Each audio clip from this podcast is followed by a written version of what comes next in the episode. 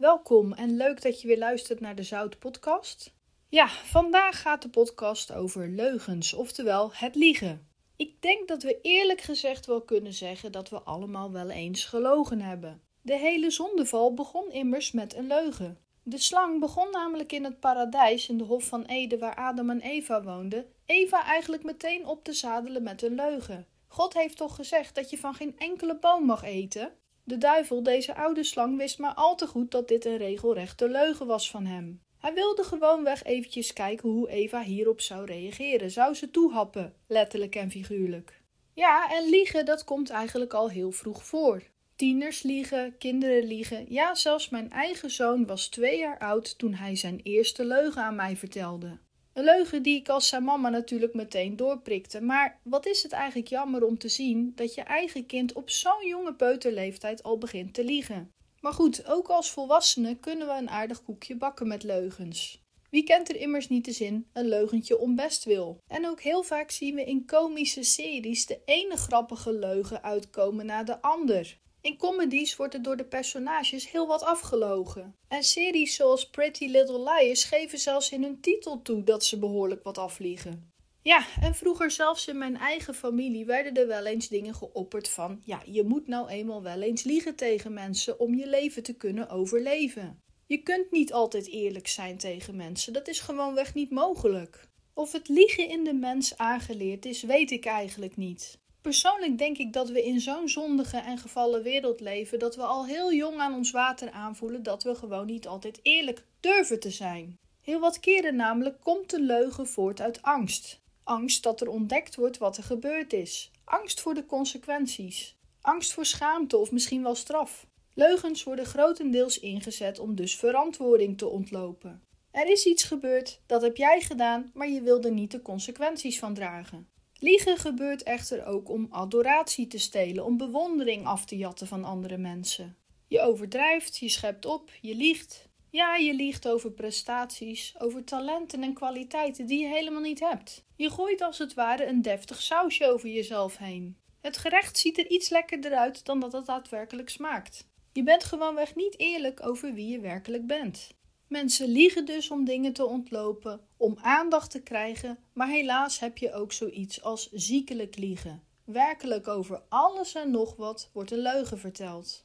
Ja, en uit eigen ervaring is mij eigenlijk opgevallen dat hoe zelfzekerder de mens is, hoe minder er gelogen wordt. Mensen die niet zo stevig in hun schoenen staan, die vertellen al eerder iets dat niet waar is. Zoals ik al zei, bang voor consequenties, bang om geen aandacht te krijgen, bang om afgewezen te worden. Bang vaak ook om niet bij een ander in de smaak te vallen. De mens liegt dus voor de meest uiteenlopende redenen. Maar is het leugentje om bestwil wat we soms wel eens gebruiken ook echt bestwil? Kan het echt geen kwaad wanneer we eens liegen tegen mensen? Ja, ook al is het om deze persoon niet te krenken.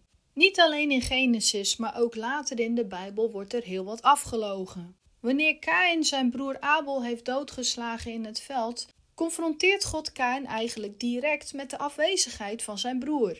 Kain, waar is je broer naartoe? Waar is Abel? Ja, en hoewel God heel goed weet wat Kain gedaan heeft, hij heeft namelijk zijn broer in koele bloeden afgeslacht, begint Kain eigenlijk vrijwel direct te liegen tegen God. Hoe moet ik dat nou weten? Ben ik mijn broeders hoeder? Oftewel, ben ik een oppas van mijn broer misschien? Ja, Kain is hierin natuurlijk niet alleen een leugenaar, maar hij is ook nog eens arrogant naar God. Je ziet hierin ook dat Kain verschrikkelijk de positie van God ondermijnt. Kain liegt hierbij ook tegen zichzelf dat God heus wel niet gezien heeft wat er gebeurd is. Hij zou het toch niet vragen anders? Maar God weet eigenlijk beter. Hij roept Kain direct tot de verantwoording. Zie, het bloed van je broer dat vanaf de aarde tot mij roept, spreekt God tegen Kain. God laat wel even aan de arrogante Kain zien dat hij wel beter weet. Hij weet heel goed hoe het verhaal in elkaar steekt. Ja, en een verhaal waarin heel wat leugens aan het licht komen is bijvoorbeeld ook het verhaal van Jacob en Esau. Jacob, wiens naam bedrieger betekent, is de tweede zoon van Isaac en Rebekka. Jacob is de tweede zoon van een tweeling. Zijn broer Esau is net ietsje eerder geboren dan hij. Dit is iets wat zijn moeder Rebekka altijd heel erg jammer heeft gevonden, want in het Oude Testament kreeg de eerstgeboren zoon altijd de zegen mee van de vader. Jammer, want Jacob is haar lievelingszoon. Esau is dat van Isaac. Beide ouders hebben duidelijk hun lievelingetje. Rebecca vertelt Jacob met regelmaat dat ze het zo jammer vindt dat hij niet het eerste geboorterecht heeft. Ja, en dat dit iets belangrijk is, dat blijkt wel wanneer Jacob een keer linzensoep aan het maken is. Linzensoep die hij mogelijk zelf wil opeten totdat Esau thuiskomt. Esau is tot tegenstelling van Jacob een jager. Hij is veel weg en hij ziet er behoorlijk sterk en behaard uit. Jacob is een magere jongen die graag zijn moeder helpt in de keuken. Een echte huismus kun je wel zeggen. Wanneer Esau het lekkere bordje soep ruikt, krijgt hij direct honger. Nog voordat Jacob aan zijn bordje soep wil beginnen, vraagt Esau of hij het kan overnemen van Jacob. Hé, hey, Jacob, geef mij ook eens een bord met soep. Ik heb heel de dag in de wildernis gejaagd. Ik ben hartstikke moe en ik heb veel honger. Kom. Maar Jacob laat dit niet zomaar toe. Geïndoctrineerd door zijn moeder Rebecca wil hij eigenlijk een vol wat hoort wat. Jij kan van mij gerust die soep krijgen als jij je eerste geboorterecht aan mij geeft, zegt Jacob. Ja, en het moet zijn dat Esau deze vraag niet zo serieus heeft opgepakt of gewoon stomweg van het gezeur af wilde zijn. Misschien had Esau ook een soort van flauwte van de honger, wie zal het zeggen? Maar Esau belooft dit om van het gezeur af te zijn. Ja, het is al goed, je krijgt het eerste geboorterecht. Kom, hier met die soep. Oké, als we het even onder de loep nemen, heeft Esau zijn eerste geboorterecht verkocht aan Jacob voor een klein bordje soep. Maar wanneer we verder lezen in de Bijbel, geeft dit niet echt voldoening aan Jacob en ook niet aan Rebecca. Rebecca heeft er namelijk lucht van gekregen dat de oud en blind geworden Isaac binnenkort de zegen zal geven. Ja, aan de oudste jongen. En officieel is dit nog altijd Esau. De mondelinge belofte van het eerste geboorterecht in ruil voor een bord soep telt niet meer. En het manipuleren en het liegen heeft Jacob niet van een vreemde duidelijk. Nee, het is zijn moeder Rebecca die met het volgende plan komt. Jacob, ik wil dat jij de zegen van vader krijgt, niet Esau. Je vader is stokoud geworden en blind, hij ziet niet goed meer. Jullie zijn tenslotte broers, jullie zijn een tweeling en ja, ik weet dat jullie niet op elkaar lijken, maar waarom verkleed je je niet als Esau?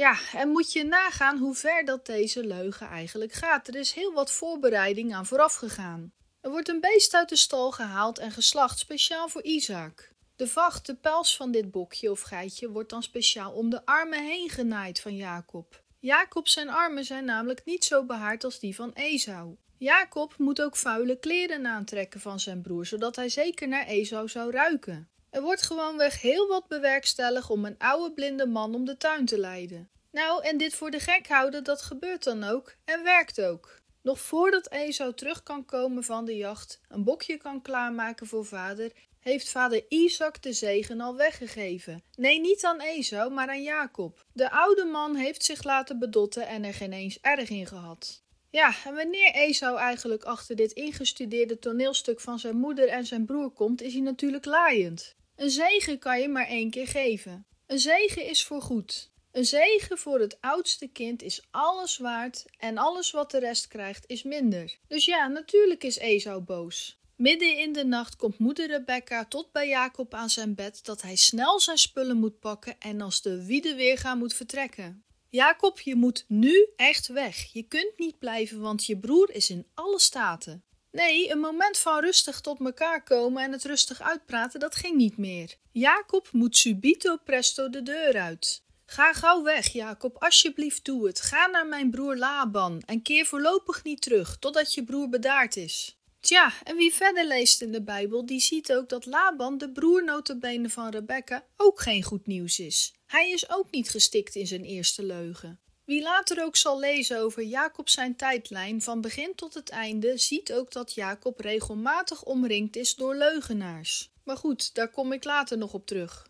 Wie een christen is, die gelooft niet in het zogenaamde karma waar je heel veel mensen vaak over hoort. What goes around, comes around. Oftewel in goed Nederlands, boontje komt om zijn loontje. Jacob, die eigenlijk op frauduleuze wijze de zegen van vader heeft afgetroefd, krijgt iets later als hij bij Laban, de broer van Rebecca, notabene zijn eigen oom, een koekje van eigen deeg. Jacob wordt namelijk verliefd op de jongste dochter van Laban. Rachel heet het meisje, maar Laban is daar niet zo blij mee. Hij heeft liever dat Lea eerst trouwt, zijn oudste dochter. Na het harde werken en heel wat aandringen van Jacob, mag hij uiteindelijk toch met Rachel trouwen. Je mag met haar trouwen, zegt Laban, maar wij hebben hier wel speciale gewoontes wat een trouwceremonie betreft. Hier in deze streek gaan vrouwen gesluierd wanneer ze gaan huwen. Ja, en zo gebeurt het ook dat de aanstaande bruid van Jacob ook een sluier draagt. Ze draagt een sluier gedurende het feest. Ze draagt een sluier tijdens de huwelijksnacht. Een sluier die ze niet wil afzetten tot de volgende ochtend. Wanneer Jacob het huwelijk met zijn kerstverse echtgenote geconsumeerd heeft, ziet hij dat hij niet naast Rachel ligt, maar naast Lea.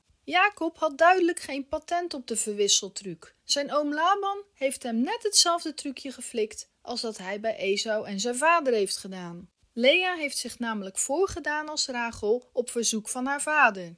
Ja, en de boosheid die Esau had omdat hij bedot werd, heeft Jacob nu eigenlijk over zich. Hij voelt zich, zoals we zeggen, besodemieterd. Laban haalt zijn schouders op. Ja, wat had je dan verwacht? Lea is mijn oudste dochter. Ja, oké, ik heb je misleid, dat is waar. Maar ik zal het goed met je maken. Je mag alsnog ook met Rachel trouwen, maar dan moet je wel zeven jaar op mijn boerderij werken. Ja, een vrouw inruilen voor een ander waarmee je al geslapen hebt, dat doe je stomweg niet. Met een hoop mokken en morren gaat Jacob dus akkoord. Hij is nou eenmaal zo gek van Rachel dat hij er echt alles voor over heeft om alsnog ook met haar te huwen. Ja, en zoals ik net al zei, zit het liegen een beetje in de bloedlijn van Jacob. Met Lea krijgt Jacob verschillende kinderen, maar met Rachel krijgt hij er slechts twee: Jozef en Benjamin. Rachel is en blijft altijd de lievelingsvrouw van Jacob. Dat is iets wat Lea maar al te goed weet, maar ook de kinderen die hij bij Lea verwekt heeft. De kinderen die Jacob bij Rachel verwekt heeft, Jozef en Benjamin, blijven altijd favoriet. Ze worden flink verwend, ze worden flink vertroeteld. Naar de andere broers, waaronder de kinderen van Lea, is hij streng. Jacob is helemaal niet zo mild tegen hen. Vooral Jozef kan in zijn ogen nooit iets verkeerd doen. Maar de andere kinderen, de andere broers, zijn altijd de gebeten honden. Ja, en helaas voor Jacob, maar Rachel sterft eigenlijk net na de geboorte van hun zoontje Benjamin. Jozef heeft zijn moeder nog gekend, maar Benjamin groeit op zonder moeder. Wanneer Jozef al wat groter is, is Benjamin dus nog een baby. De broers zijn dus vooral jaloers op Jozef. Jozef wordt altijd verhoogd en verheerlijkt. Hij wordt altijd in de watten gelegd. Op een dag krijgt hij zelfs een prachtige mantel van vader Jacob, iets wat zij nog nooit gekregen hebben. Tja, en ergens begrijp ik natuurlijk wel dat als je tweede keuskind bent, dat dat niet zo prettig aanvoelt. Jacobs eerste echtgenote Lea werd eigenlijk zijn vrouw door bedrog. Het was een ongewenste echtgenote. De kinderen die hij met haar kreeg waren eigenlijk ook niet zo gewenst. Maar ja, wat je zaait zul je dus ook oogsten uiteindelijk. En dat gebeurde ook bij de opgroeiende broers van Jozef. Wie het verhaal van Jozef kent, weet dat dit allemaal met leugens gepaard ging. In de eerste instantie wilden een aantal broers Jozef gewoon dood hebben. Een paar andere broers vonden dit geen goed idee. Je vermoordt tenslotte je eigen broer niet. Op een avond toen ze Jozef een lesje wilden leren en hem in een diepe put gooiden, kwamen er de volgende dag een stoet handelaren voorbij. Opkopers van slaven die op tocht waren naar Egypte.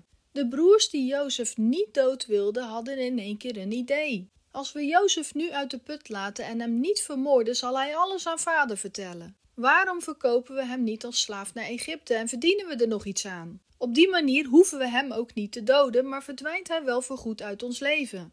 Ja, het is een opwelling van een aantal jaloerse jonge mannen die op dat moment een heel verkeerd besluit maken. Niet echt verder dan hun neus lang denkende verkopen ze Jozef aan de handelaren. Wanneer ze Jozef eenmaal als een stipje aan de horizon zien verdwijnen, moeten ze wel even met een goed verhaal komen naar vader. Wanneer ze bijvoorbeeld zouden zeggen dat Jozef vermist is, zal vader altijd blijven zoeken naar hem. Misschien moeten ze maar vertellen dat hij verslonden is door een roofdier.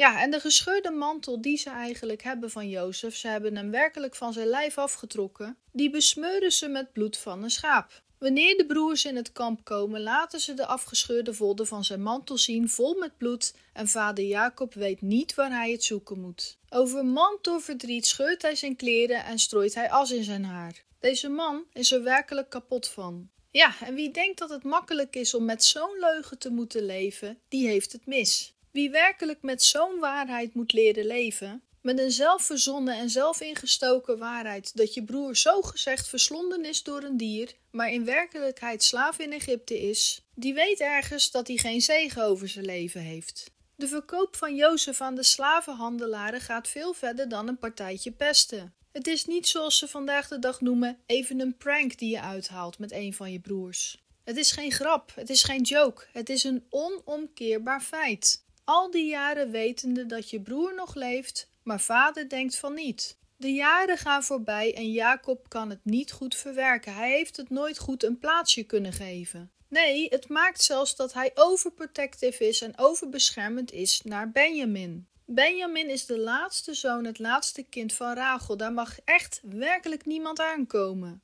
De leugen die de broers dus eigenlijk voor ogen hadden dat zij nu de favoriete kinderen van vader zouden zijn, is dus eigenlijk al een leugen op zich. Het is een drogreden, het is onzin, want Benjamin is nu de plaatsvervanger van Jozef. Hij staat nu op een piedestal, hij staat op een voetstuk. Wie ook in de Bijbel verder leest en kijkt naar het leven van de broers, die ziet ook dat er echt geen zegen op hun levens rust. Het gaat niet goed met ze. Zo zijn er ook een aantal broers die meerdere malen een kind verliezen. Ja, een eigen kind. Een andere broer heeft dan allemaal onvruchtbare dieren. Financieel gaat het slecht met hem. Er is vernedering in hun levens, er is onreinheid in hun levens. En echt verdrongen hebben ze niet wat ze Jozef hebben aangedaan, want steeds weer worden ze geconfronteerd met hun daden. Tja, en het verhaal van Jozef eindigt gelukkig wel goed. Wanneer eigenlijk de broers Jozef ontmoeten als onderkoning in Egypte en ze hadden dat al die tijd niet door, vallen hun monden natuurlijk open van verbazing. In het begin denken ze dat Jozef boos zal zijn op hen, maar Jozef is dit in geen geval. Wel zullen de broers op dit moment moeten beslissen om de waarheid aan vader Jacob te vertellen. En geloof me, dat lijkt me best wel hard als je al die jaren gelogen hebt en dan in één keer moet opbiechten. Nou, jaren geleden hebben we eigenlijk een schaap geslacht en de mantel van Jozef daarmee ingevreven met dat bloed en je eigenlijk voor de gek gehouden. Nou, eigenlijk heb je al die jaren verdriet gehad en ellende en miserie gehad en je hebt gerouwd om niets, want hij leeft eigenlijk nog. Moet je nagaan dat je zelf vader bent of moeder en een van je andere kinderen vertelt: Nou, je zoon leeft eigenlijk nog. We hebben je al die jaren voorgelogen. Ja, Jacob zijn naam is bedrieger. Hij heeft bedrogen en hij is bedrogen. Meerdere keren zelfs. Zo zie je eigenlijk dat er al in het vroege Oude Testament al heel wat leugens voortkwamen. En wie goed geluisterd heeft, die ziet ook dat leugens eigenlijk niks opbrengen. Het brengt alleen maar problemen met zich mee. Wanneer je ook liegt, moet je ook altijd alert zijn dat je leugen niet uitkomt. Een kleine onwaarheid kan al hele grote schade bij iemand aanbrengen. Het kan als het ware een soort ruitje van vertrouwen breken. Want ja, als je immers over zoiets kleins en onbenulligs zou liegen, waarover heb je misschien dan nog meer gelogen? De mindset van de meeste mensen denkt ook vaak dat die ander de waarheid niet zal aankunnen. Ja, ik lieg eigenlijk om die ander niet te kwetsen, om die ander een soort van in bescherming te brengen. Stel je voor dat iemand zijn hele wereld zou instorten omdat ik de waarheid zou opbiechten. Omdat ik eerlijk zeg dat ik eigenlijk niet zo graag op bezoek kom. Omdat ik eigenlijk toegeef dat ik dat eten van die persoon echt niet lekker vind. Omdat ik de look en de nieuwe outfit van een vriendin echt werkelijk verschrikkelijk vind. Maar ja, waarom lieg ik dan toch dat ik graag langskom? Waarom lieg ik dan dat ik het eten lekker vind en dat ze er goed uitziet?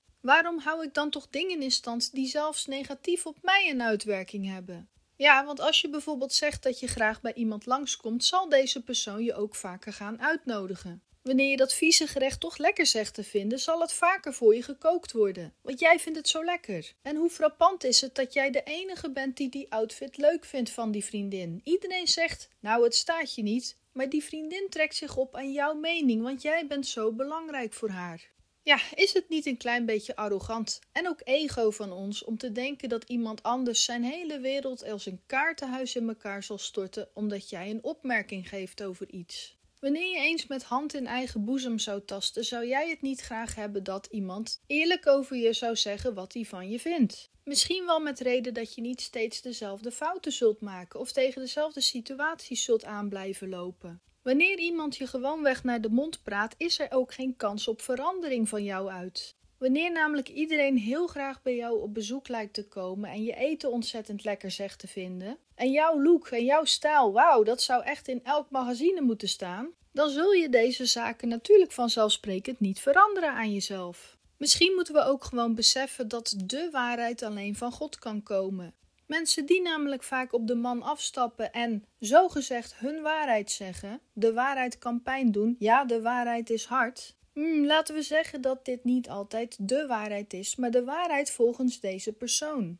Neem bijvoorbeeld dat twee mensen in dezelfde kamer naar een vaas kunnen kijken. De ene staat links, de ander staat rechts. Ze zien dezelfde vaas, maar wel vanuit een andere optiek. Waarheid moet ook niet verward worden met een mening van iemand. Waarheid kan ook vaak een overtuiging van een bepaalde persoon zijn, maar niet altijd de realiteit. Het is daarom ook dat Jezus zegt: Ik ben de weg, de waarheid en het leven. Een mens weet van nature uit, vanuit zijn zondige welzijn, eigenlijk niet goed wat de waarheid is. Ik heb er al meerdere keren over gesproken, maar toen Eva de appel at, of de vrucht van de boom van kennis van goed en kwaad, werd er eigenlijk een leugen in haar geplant van nu ga je kennis hebben van wat goed is en wat slecht is, wat goed is en wat kwaad is. Maar ik zeg je, en ik zei dat vorige keer in de podcasts ook al, de mens kan niet goed inzien wat goed en wat slecht is, wie goed voor hem is en wie kwaad doet. Een mens kan niet goed geestelijk en ook niet objectief goed kijken van nou, dat is goed voor mij en dat is slecht voor mij. Alleen God weet dit voor ons. Daarom hebben we Hem zo hard nodig.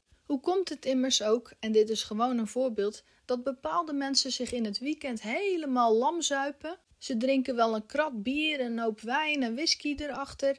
En daarna zijn ze zo lam als een konijn en voelen zich slecht. Ze hebben een kater, ze zijn misselijk, ze moeten overgeven, ze, ze voelen zich nou helemaal beroerd. Dit doen ze nooit meer, maar het volgende weekend staan ze weer flink te kantelen. Het volgende weekend doen ze gewoon weer hetzelfde. Je zou natuurlijk kunnen zeggen: ja, slechte leerlingen heb je er altijd tussen zitten, maar de mens weet niet wat goed en wat kwaad voor hem is. Op die manier maken we ook steeds fouten over en over again, opnieuw en opnieuw. Heb jij dat nog nooit meegemaakt dat je al meerdere keren dezelfde fout hebt gemaakt en je wordt er helemaal gek van? Hoe komt het toch dat ik er steeds weer in stink? Hoe komt het toch dat ik steeds weer in de verleiding val? Dat komt omdat we eigenlijk op dat moment een leugenachtig stemmetje in onszelf horen dat zegt: Nou, vorige keer ging het verkeerd, maar deze keer zal het goed gaan. Ja, we denken soms pintere mensen te zijn, maar eigenlijk is ons brein onderdeveloped. We hebben eigenlijk helemaal niet zo'n groot brein ten opzichte van God. Wat is het daarom ook fantastisch dat we de Heilige Geest hebben, die ons echt kan waarschuwen van dit is niet oké, doe dit niet.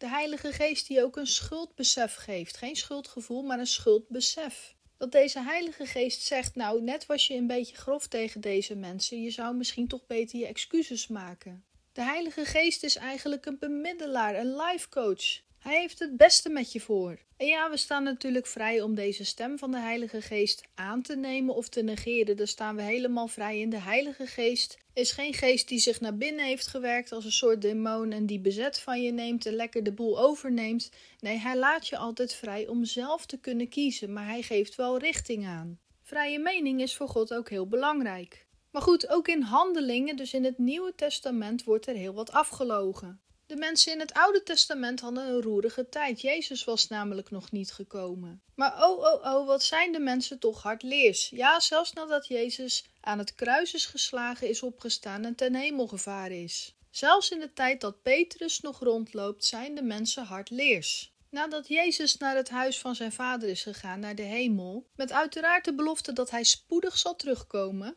heeft Petrus een eigen bediening gevonden. Hij heeft vele gemeenten, vele kerken gesticht en tot God gebracht. In een gemeenschap waar Petrus is, is ook een echtpaar, een koppel, een stel. Ze heten Ananias en Safira. Deze twee mensen, dit echtpaar, heeft hele mooie dingen van God meegemaakt, hele mooie dingen gezien. Ze leven in een goede gemeenschap waar de Heilige Geest volop aanwezig is. Je kan eigenlijk wel zeggen dat deze mensen eerste rij zitten. Ze zien wonderen en tekenen gebeuren en ze zijn into the Lord. Om zich heen zien Ananias en Safire vele mensen. Mensen uit de gemeenschap die een stuk grond verkopen en de opbrengst daarvan aan Petrus geven. Dat geld is om te investeren in Gods koninkrijk. Het is ter opbouw van de gemeente en vele tempels om God in te kunnen dienen.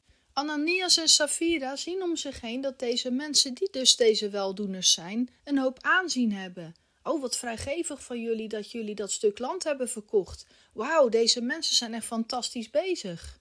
Ja, de vrijgevigheid wordt beloond met een hoop complimenten. Ananias en Safire geloven in God, maar ze willen eigenlijk ook geëerd worden. Wat zou het fijn zijn als mensen ook zo naar ons zouden kijken, dat we toch een soort aanzien hebben. Ananias en Safira krijgen dus een idee om een heel slim trucje toe te passen. Wat zou er gebeuren als we een stuk grond verkochten, maar maar de helft van die opbrengst naar Petrus brengen? Maar we zeggen wel dat dit de hele opbrengst was. Ja, wat Ananias en Safira probeerden te doen, is dat ze eigenlijk een stuk grond willen verkopen, de hele opbrengst zogezegd te willen geven, maar de helft van het geld toch in hun zak willen steken. Zo houden ze toch de helft van het geld over, maar krijgen ze wel de volle pot van aanzien. Wanneer Ananias met het geld bij Petrus komt, zegt Ananias dat hij zijn stuk grond heeft verkocht. Hier is de hele opbrengst. Hij doneert een grote zak met geld in Petrus zijn hand. Maar dan gebeurt er iets. Petrus krijgt een seintje door van de Heilige Geest. Hij krijgt een profetie, hij krijgt een beeld door waarin eigenlijk hem verteld wordt dat Ananias niet de waarheid spreekt. Bevestigend vraagt Petrus dus: Is dit de hele opbrengst van het land dat je mij gegeven hebt? Ja, dit is alles, zegt Ananias. We hebben het land verkocht en dit is de gehele opbrengst. Ja, en wat er dan gebeurt vind ik toch wel enorm chockerend. Omdat Ananias een wedergeboren christen is, hij getuige is geweest van de meest grootse en fantastische dingen die God voor hem gedaan heeft, hij verlicht is geweest, hij de Heilige Geest zelf ook ontvangen heeft en die waarschijnlijk ook heeft gezegd: Ananias, dit is niet de waarheid. Maar dat Ananias toch tegen beter weten in om zijn eigen hachje en eigen gezicht niet te verliezen. Ja, eigenlijk zegt tegen Petrus: Nou nee, dit was toch alles. Hij vond zijn eigen ego, zijn eigen aanzien en eigen eer toch belangrijker. Hij was trots.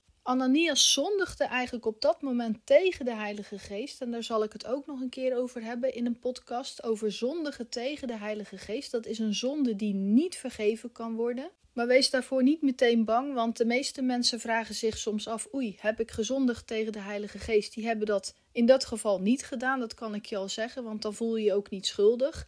En dat was ook zo met Ananias. Hij voelde zich totaal niet schuldig over zijn leugen. Hij vond zijn eigen eer, aanzien, trots en ja, toch een deel van het geld stiekem bij zich te houden, te stelen eigenlijk op dat moment, vond hij eigenlijk belangrijker. Mocht Ananias niet de helft van de opbrengst houden? Ja, natuurlijk wel. Het was niet verplicht om het hele bedrag te geven, maar dan moest hij er ook niet over liegen. Maar dat liegen, daar koos hij toch voor om dat te doen, tegen beter weten in.